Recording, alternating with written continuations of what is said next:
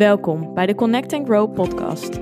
Mijn naam is Yvonne van Haastrecht en dit is de plek waarin ik jullie meeneem in mijn levensstijl als orthomoleculair therapeut, diëtist, coach en online influencer. Ik ben een kleine blonde meid met een grote passie voor natuurlijke gezondheid, fit zijn, mindset en persoonlijke groei. In deze podcast doe je inspiratie op door middel van eigen ervaringen, evidence-based informatie en praktische tools waar je daadwerkelijk iets mee kan. Een platform om samen te connecten en waar vele ervaringen mogelijk herkenbaar zijn. Hierdoor hoop ik jou het gevoel te geven er niet alleen voor te staan. Een veilige community met gedreven en open-minded vrouwen die allen op hun eigen manier willen groeien. Connect, be aware en take control. Ben jij er klaar voor? Zo, welkom weer bij een nieuwe podcast. En dit keer over hormonen. Dat leek me wel eens tijd. Want ehm, ja, ik heb de afgelopen tijd veel op Instagram daarover gedeeld. En uh, ja, hormonen zijn toch echt wel de building blocks of our gezondheid. Zo noemen ze, worden ze ook wel genoemd. Het zijn wel echt, als het ware, de stofjes die we nodig hebben om ons goed te voelen. En uh, daarom ook uh, vaak in verband met heel veel klachten. En ehm, zowel mannen als vrouwen. Ik wil dus mannen niet buitensluiten met deze podcast. Wel zijn er heel veel vrouwen die hier meer last van hebben, omdat wij veel meer die hormoonschommelingen voelen. En eigenlijk iedere week een andere hormoonschommeling uh, hebben. Verandering hebben, waardoor wij dus ook ons iedere week anders kunnen voelen. Zeker wanneer wij uh, niet gebruik maken van anticonceptie.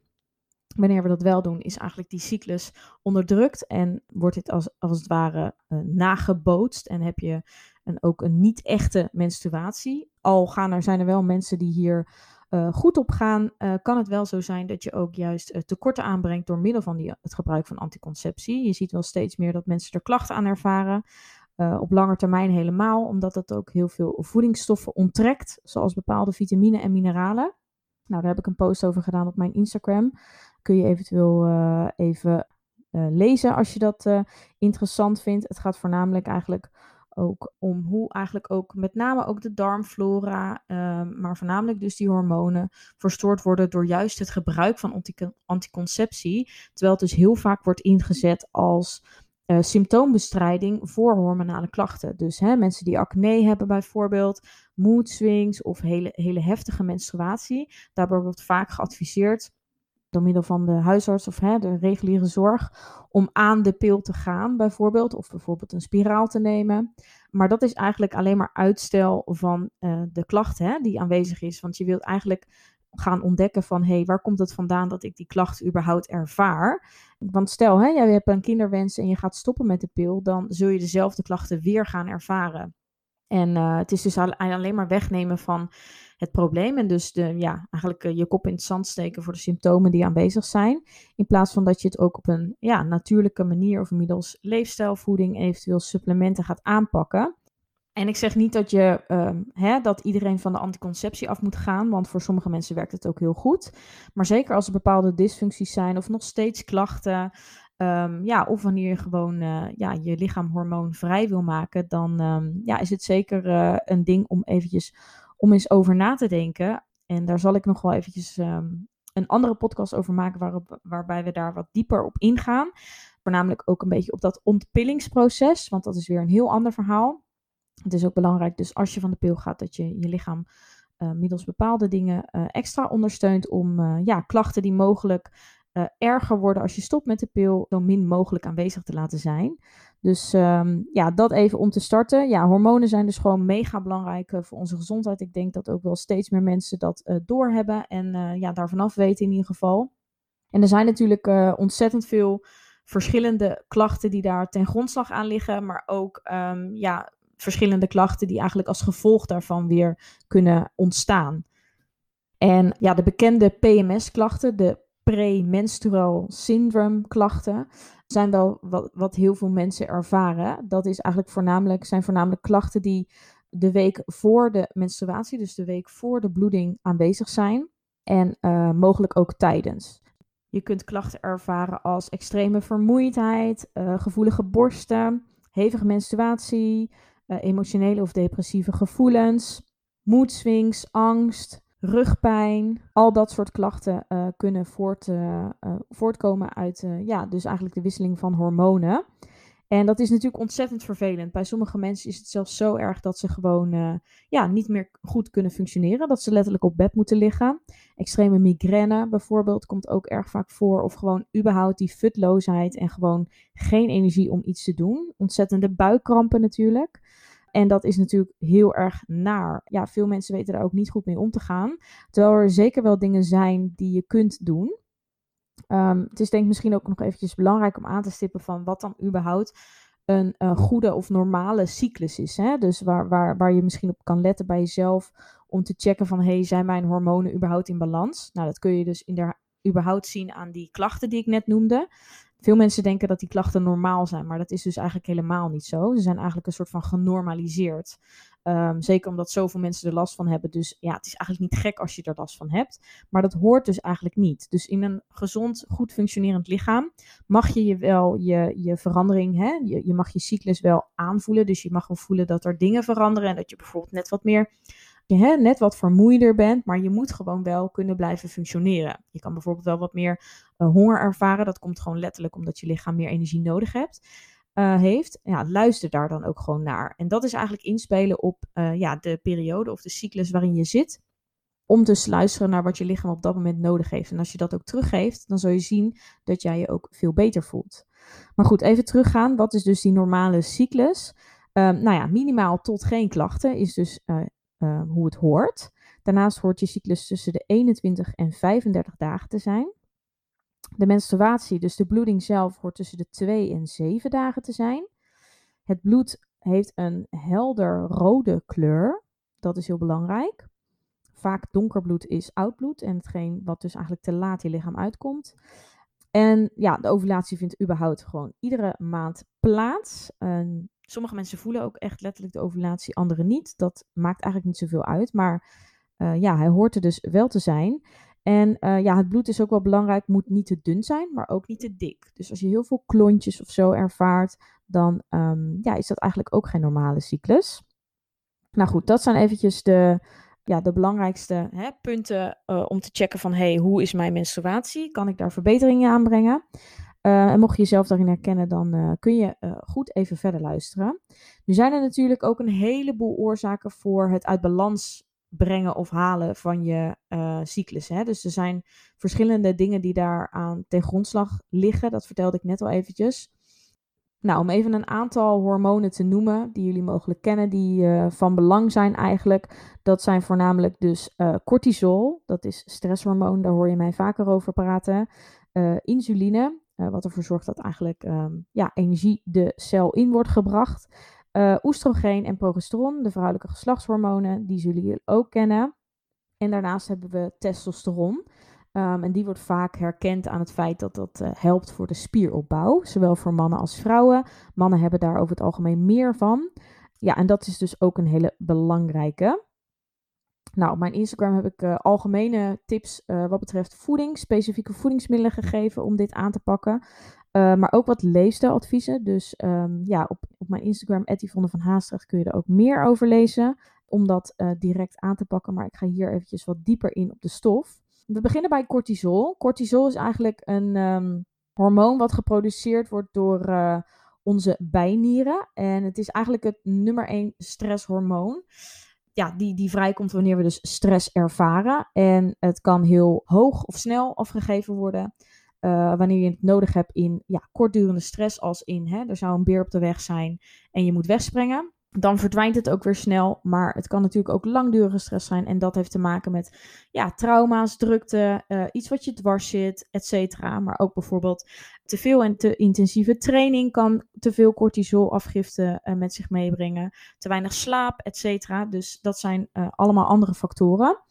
Maar eigenlijk, uh, ja, als die uh, cortisol te veel wordt vrijgegeven, dan uh, ja, hebben we eigenlijk meer kans op meer buikvet. We worden sneller oud, dus ons verouderingsproces gaat sneller. Maar daarnaast kun je ook heel erg, hoe zeg je dat, zout en hartige producten craven. Dus heel erg die zout- en zoetbehoefte hebben.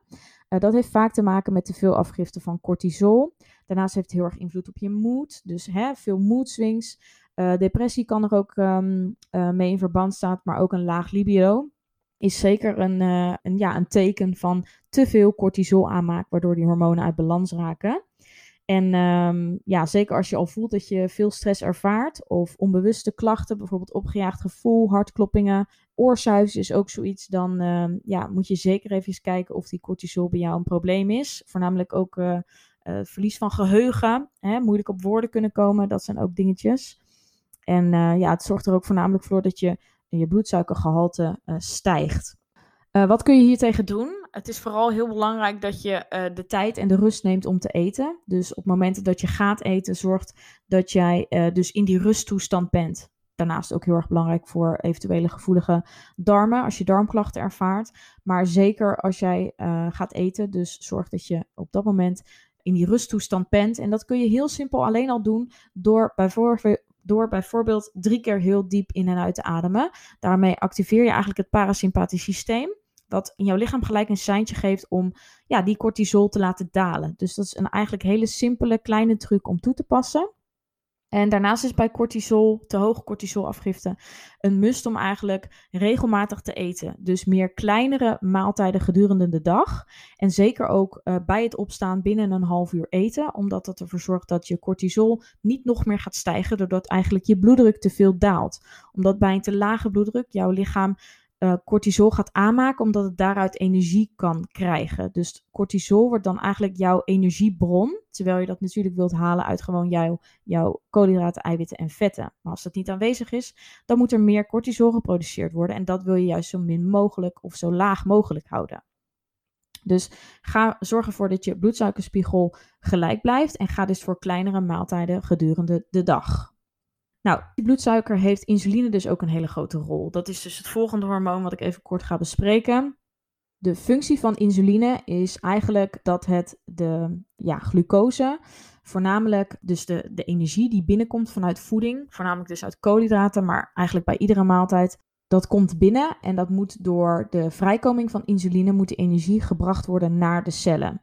Dus insuline zorgt ervoor dat energie de cellen ingaat waar het uiteindelijk gebruikt kan worden voor energie. Als dat niet gebeurt, dan blijft dus die energie hangen in je bloed, uh, terwijl je het wil hebben in de cellen waar het uiteindelijk echt gebruikt kan worden.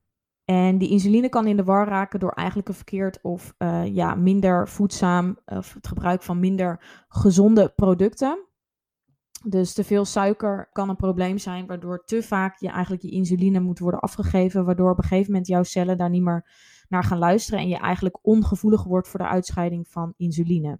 En dat kan ook gebeuren door eigenlijk ontstekingswaarden die verhogen. En wanneer dus te veel ontstekingswaarden aanwezig zijn, gaat de insuline ook minder goed werken. En daar zijn wel meerdere dingen die nog van belang zijn, maar dit zijn eventjes de belangrijkste voornamelijk belangrijk dat je dit dus weer in goede orde krijgt. En hierbij is die bloedsuikerspiegel dus ook heel erg belangrijk. Dus wanneer je eigenlijk te veel ehm, insuline aanmaakt of je cellen worden ongevoelig voor de aanmaak van insuline, dan kun je je heel erg uh, trillerig voelen. Je kan een beetje duizelig worden. Uh, je voelt je snel geïrriteerd. En je hebt dus ook echt weer voeding nodig om je goed te voelen. Dat is vaak uh, een insulineprobleem. En kan er dus ook voor zorgen dat je heel erg die suikercravings heb de hele tijd, omdat dus die bloedsuiker zo snel daalt. En dit is ook een, uh, een uh, ja, veel, of tenminste het probleem bij PCOS, dus de Polycystic Ovarian Syndrome, wat steeds meer vrouwen eigenlijk ervaren. En dit heeft dus ook te maken met insuline, maar voornamelijk dus ook hormonen. Dat is iets wat steeds meer ontstaat, dus uh, dat kan mogelijk ook een probleem zijn. Belangrijk is om uh, bij die uh, insuline voor, voornamelijk um, ontstekingsremmende voedingsmiddelen toe te voegen. Hierbij kun je denken aan kurkuma, uh, zoete aardappel bijvoorbeeld, maar ook gember. Dat soort producten zijn ontstekingsremmend. Voornamelijk zoveel mogelijk suiker, toegevoegde suiker voorkomen. Zorgen dat je uh, maaltijden uh, gebalanceerd zijn. Dus iedere maaltijd eigenlijk koolhydraten, vetten en eiwitten bevatten. Om te zorgen dat jouw bloedsuikerspiegel niet te snel stijgt. Uh, en er dus niet te veel insuline aangemaakt hoeft te worden. Um, en daarnaast helpt ook heel erg kaneel. Dus het toevoegen van kaneel. Die hebben, dat heeft van nature een stof in zich dat helpt om de bloedsuiker in balans te houden. Dus dat zijn dingen waar je aan kunt denken. Bij het gebruik van snelle suikers, dus bijvoorbeeld fruit, is het altijd verstandig om een vet of een eiwitproduct toe te voegen. Dus hè, ik zei het net al eventjes, zorg voor gebalanceerde maaltijden, maar zeker ook in het bijzonder dus fruit, omdat het vaak alleen uh, wordt gegeten als snack. Daar is niet per se iets mis mee, maar als insuline het probleem is, of je merkt heel erg dat je snel dipjes ervaart of zo'n after dinner dip, dan raad ik je aan om fruit te gaan combineren met bijvoorbeeld iets van een, een nootje of om daar iets van een eiwitproduct aan toe te voegen, dus wat, aan, wat van zuivel of dat je bijvoorbeeld op jouw appel een beetje notenpasta doet, et cetera. Dat zijn allemaal tips om te zorgen dat de insulinespiegel uh, minder snel stijgt. Nou, dan komen we eigenlijk bij oestrogeen. En een teveel aan oestrogeen wordt ook wel oestrogeendominantie genoemd. En dit is een veel voorkomend probleem bij vrouwen. En um, ja, aan de ene kant, we hebben oestrogeen ook nodig. Dus we hoeven het ook niet in een heel slecht daglicht te zetten. Maar um, ja, die oestrogeendominantie komt vaak voor door eigenlijk de lever die minder goed werkt, omdat oestrogeen wordt uitgescheiden door de lever. En als dat dus niet goed werkt, dan ja, krijg je eigenlijk een, een overschot. En uh, ja, wat je vaak hiermee merkt is echt uh, hevige menstruaties, veel meer moedswings, PMS-klachten, maar ook uh, angstgevoelens kan heel erg opkomen. Ook zie je veel opgeblazen gevoel, maar ook veel vocht vasthouden. Um, nou, het valt allemaal natuurlijk een beetje onder die PMS-klachten, maar dat zijn wel echt herkenbare voor, um, ja, voor die oestrogeendominantie. Denk ook aan gevoelige borsten. Borsten die heel erg opzetten. Dus um, ja, dat maakt echt, echt die, die, uh, die stevige, stevige borsten. Het gevoel dat je je klierweefsel heel erg opzet en, en strak wordt. Ja, dat heeft echt te maken met oestrogeendominantie. En uh, wat, wat ik je daarbij zou aanraden is voornamelijk het gebruik van kruisbloemige groenten. Uh, broccoli, bloemkool, dat soort dingen. Denk ook aan uh, pak sooi, dat soort dingen. Dat helpt echt om de lever dus te ondersteunen om die oestrogeen uit te, uit te scheiden. Um, en daarnaast is het heel belangrijk dat jouw stoelgang dus goed verloopt. Omdat dat ook een manier is om je afvalstoffen uit te scheiden. Dus uh, let erop dat je ook voornamelijk veel vezels eet. Wel in combinatie met voldoende vocht, anders krijg je daar weer obstipatie van. En veel makkelijk verteerbare koolhydraten. Hè? Dus uh, voeding wat makkelijk wordt opgenomen. En let erop dat zeker als je gevoelige darmen ook hebt, dat je wel die groenten dus voldoende kookt en bakt, zodat ja, eigenlijk jou, jij de voeding wel goed kan opnemen. Want als dat een probleem is, ja, dan uh, kun je heel veel broccoli, et cetera, eten. Maar als dat niet goed verteerd wordt en uiteindelijk um, ja, als resten in je ontlasting terugkomt, dan heb je er alsnog eigenlijk niet zoveel aan. Dus um, ja, let erop dat je echt uh, uh, ja, dat die, dat die groentes goed gebakken zijn, goed gekookt. Uh, en dan gaan er misschien wel wat vitamines verloren, maar als jij je voeding niet goed opneemt, dan gaat er nog veel meer verloren en neem je eigenlijk helemaal niks op. Dus dan eet je het eigenlijk voor niks. Dus um, ja, dat moet je altijd eventjes afwegen in die zin. Dus uh, zorg voor voldoende ve vezels in combinatie met voldoende vocht, anders kun je daar obstipatie van krijgen. En uh, ja, snelle, makkelijk opneembare koolhydraten. Dus in dit geval is fruit bijvoorbeeld een hele goede. Uh, voor snelle, goede energie, natuurlijk vezels en vitamine die het bevat. En dan altijd dus in combinatie met een eiwit of een vetproduct als je last hebt van hormonale disbalans. Of als je deze klachten dus herkent. Um, dan testosteron. En uh, dat is eentje die ons eigenlijk uh, voornamelijk zelfvertrouwen geeft en onze spieren en botten doet helpen ontwikkelen. Daarnaast versterkt het het libido, dus ook niet onbelangrijk. Uh, maar als we te veel testosteron hebben, dan kun je dat, kan dat problemen met onze menstruatie, kan dat problemen geven. En uh, wat je vaak ziet is dat bijvoorbeeld, zeker hè, dat zie je ook veel bij de PCOS, daar heb je hem weer, die um, insulineprobleem eigenlijk, of het hormonale probleem. Dit zie je ook veel bij PCOS. Uh, dan zie je bijvoorbeeld dat er meer haargroei komt op het gezicht.